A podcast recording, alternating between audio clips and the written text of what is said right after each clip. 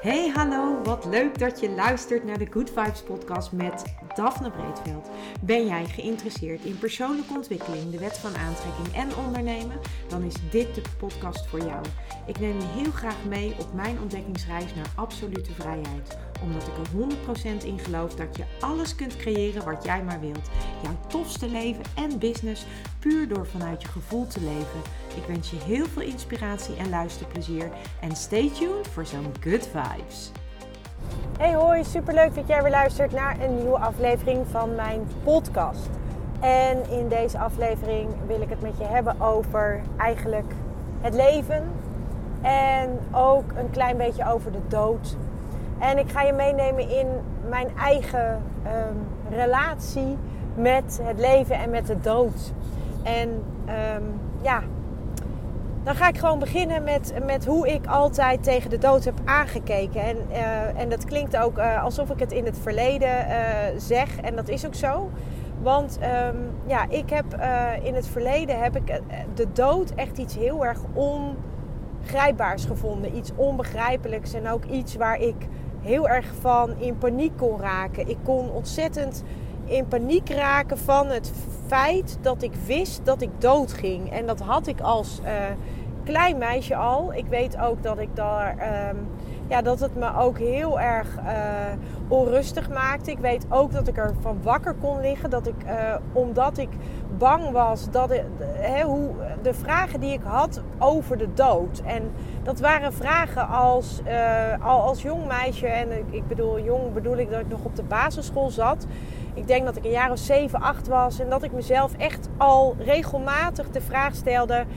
Ja, maar als ik dan dood ben, dan ben ik er dus niet meer. En, en, en hoe moet dat dan verder? En, en dat was echt een vraag waar ik echt wakker van kon liggen. Waar ik ook uh, angstig van kon worden. Waar ik ook uh, enorm, uh, ja, hoe moet je dat zeggen, onrustig van kon worden. En het was ook echt iets wat me enorm eh, bezig. Het hield me echt gewoon heel erg bezig.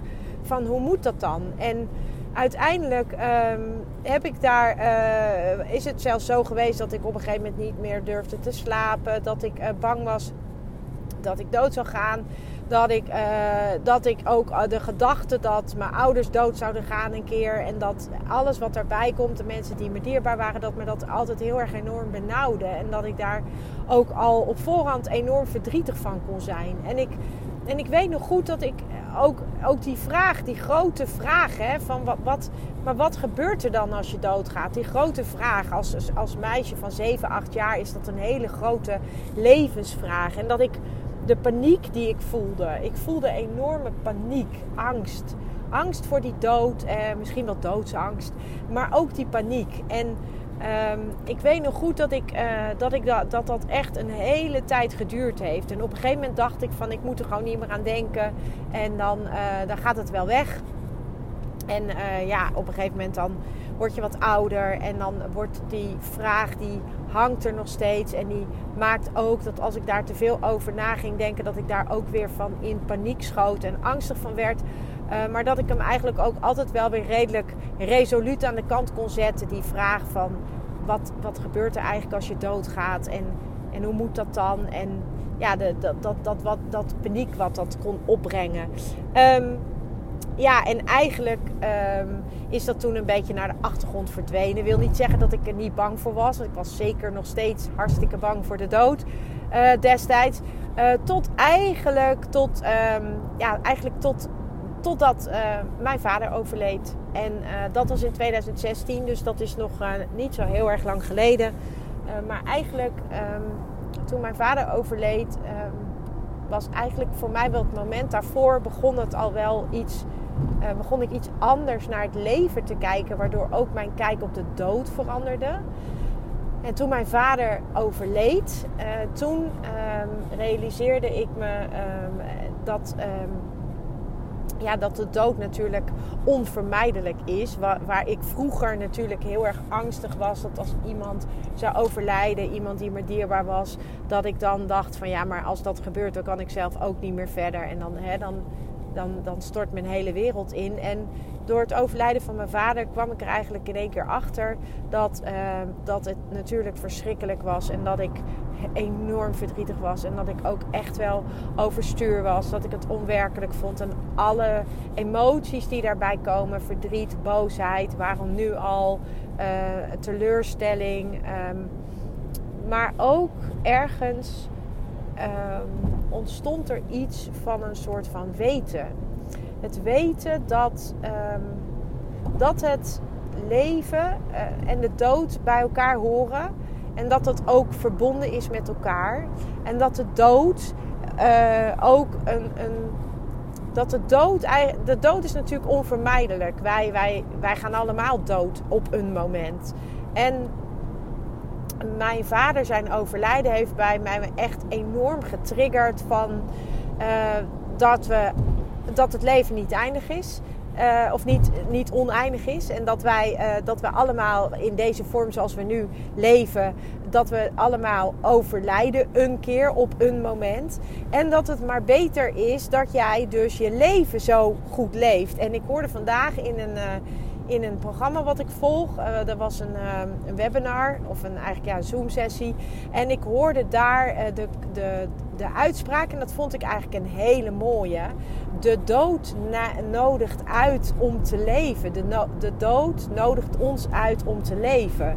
En dat is, als je daar goed over nadenkt, is dat echt een prachtige quote. Want we weten dat we allemaal een keer doodgaan. En we weten dat het leven eindig is en dat wij allemaal in de huidige vorm waarin wij nu fysiek aanwezig zijn, dat wij dan allemaal een keer overlijden. En die wetenschap, die moet er natuurlijk eigenlijk voor zorgen dat wij ons realiseren dat wij dus uh, alles uit het leven mogen halen wat er uit te halen valt. En dat wij het leven dus optimaal leven. En dat we dus het leven genieten van het leven. En dat we eigenlijk ook elke dag ons bewust zijn uh, van het feit dat het leven eindigt ooit. Um, niet dat het ons dan in die zin uh, dat we daarvan in paniek moeten raken, zoals ik deed toen ik een klein meisje was. Uh, maar dat we wel ons realiseren: het leven is eindig en daarmee um, worden we uitgenodigd om te leven. En ik heb er al een keer eerder een podcast opgenomen over de dood. En uh, ik heb ook al een keer eerder uh, daarover gesproken in een podcast van um, ja, wat als je. Wat als dit je laatste dag zou zijn? En hoe zou je willen dat er bijvoorbeeld op jouw begrafenis zou worden gesproken? En als je daar, uh, dat is een mooie vraag om jezelf te stellen. Dat was ook een opdracht die ik afgelopen week kreeg in dit, in dit traject wat ik volg. Um, en ook nu weer uh, nodigde het weer uit om, om toch weer even stil te staan bij die eindigheid van het leven in de huidige vorm. Dat, we, dat er een moment komt dat wij, dat onze ziel ons lichaam verlaat en dat we dan, uh, ja, dat ons leven dan eindigt. En wat wil je dan gedaan hebben? En uh, hoe wil je dat er over je gesproken wordt op jouw begrafenis? En als je uh, daar wat meer over wil weten, dan zou ik zeggen: luister die podcast. Daar heb ik, uh, dat is echt in het begin ergens geweest. Dus scroll even lekker terug en zoek die, die aflevering op. want het zijn mooie vragen. Het zijn hele confronterende vragen. Maar het zijn ook hele mooie vragen om jezelf te stellen.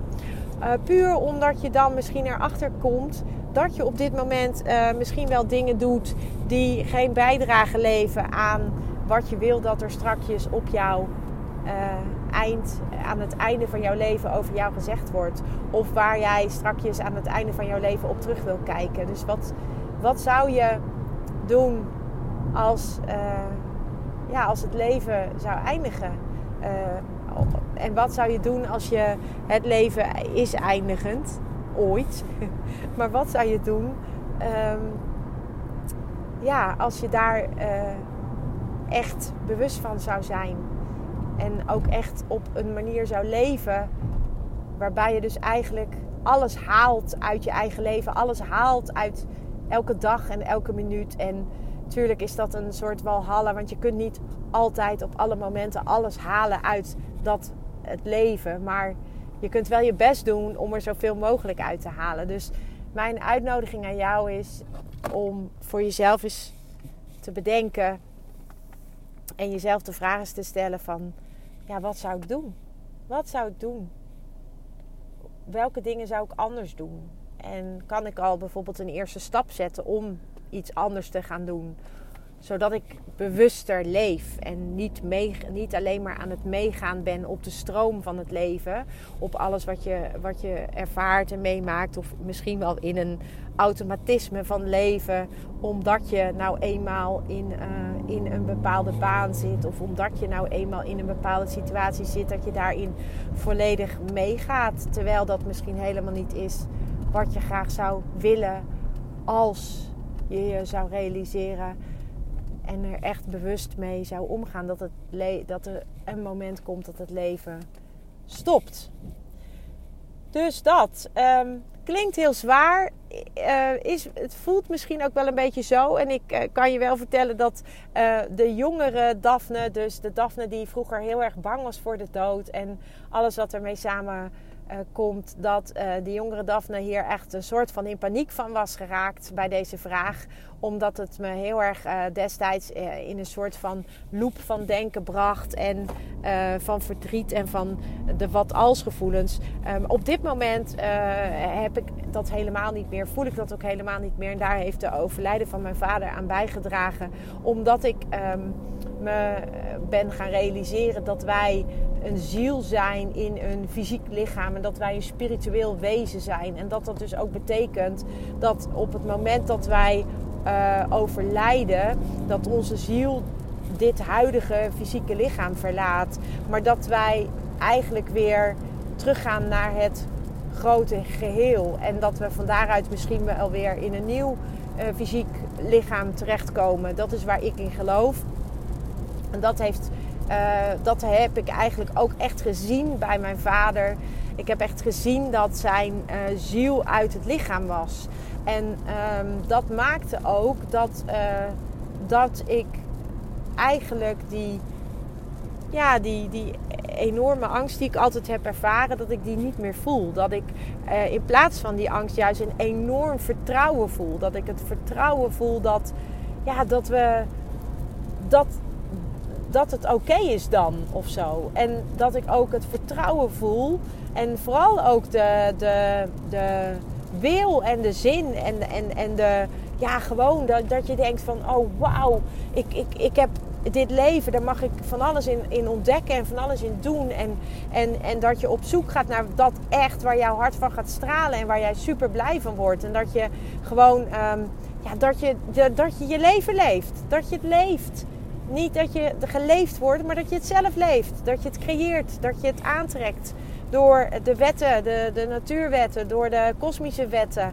Dat jij je eigen leven creëert. En, uh, en dat jij uh, dat op een zo tof mogelijke manier probeert uh, in te richten.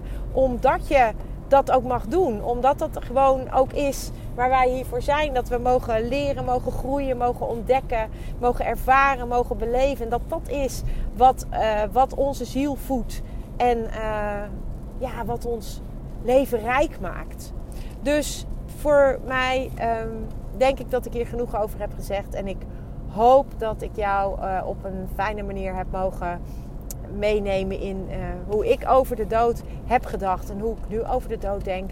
En hopelijk ook uitdaag om jou um, eigenlijk ja, na te laten denken hoe, jou, hoe jij jouw leven um, zou mogen inrichten of willen inrichten. En hoe jij, uh, ja, hoe jij terug wil kijken straks. En uh, hoe jij wil dat er andere mensen over jou spreken.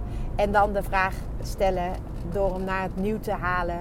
Wat kan ik nu doen waardoor ik daaraan bij ga dragen aan dat wat ik wil dat er gezegd wordt. Of dat wat ik wil dat ik zelf ervaar. Hoe je erop terug kunt kijken. Dus um, ja, let's do this. En uh, heel veel plezier ermee. En um, ja, kijk eens of het je uh, wat, wat moois kan brengen. Ik ben heel benieuwd en uh, ik wens je nog een hele fijne dag. Ciao. Ja, lieve mensen, dat was het weer voor vandaag. Dankjewel voor het luisteren. Ik hoop dat ik je met deze aflevering heb weten te inspireren. Wil je nu meer inspiratie? Abonneer je dan vooral gratis op deze podcast. En ik zou het helemaal fantastisch vinden als je een review zou willen achterlaten, zodat ik ook voor anderen goed te vinden ben in de iTunes en Spotify lijsten en daardoor nog meer mensen kan inspireren. Dankjewel voor nu en geniet van je dag.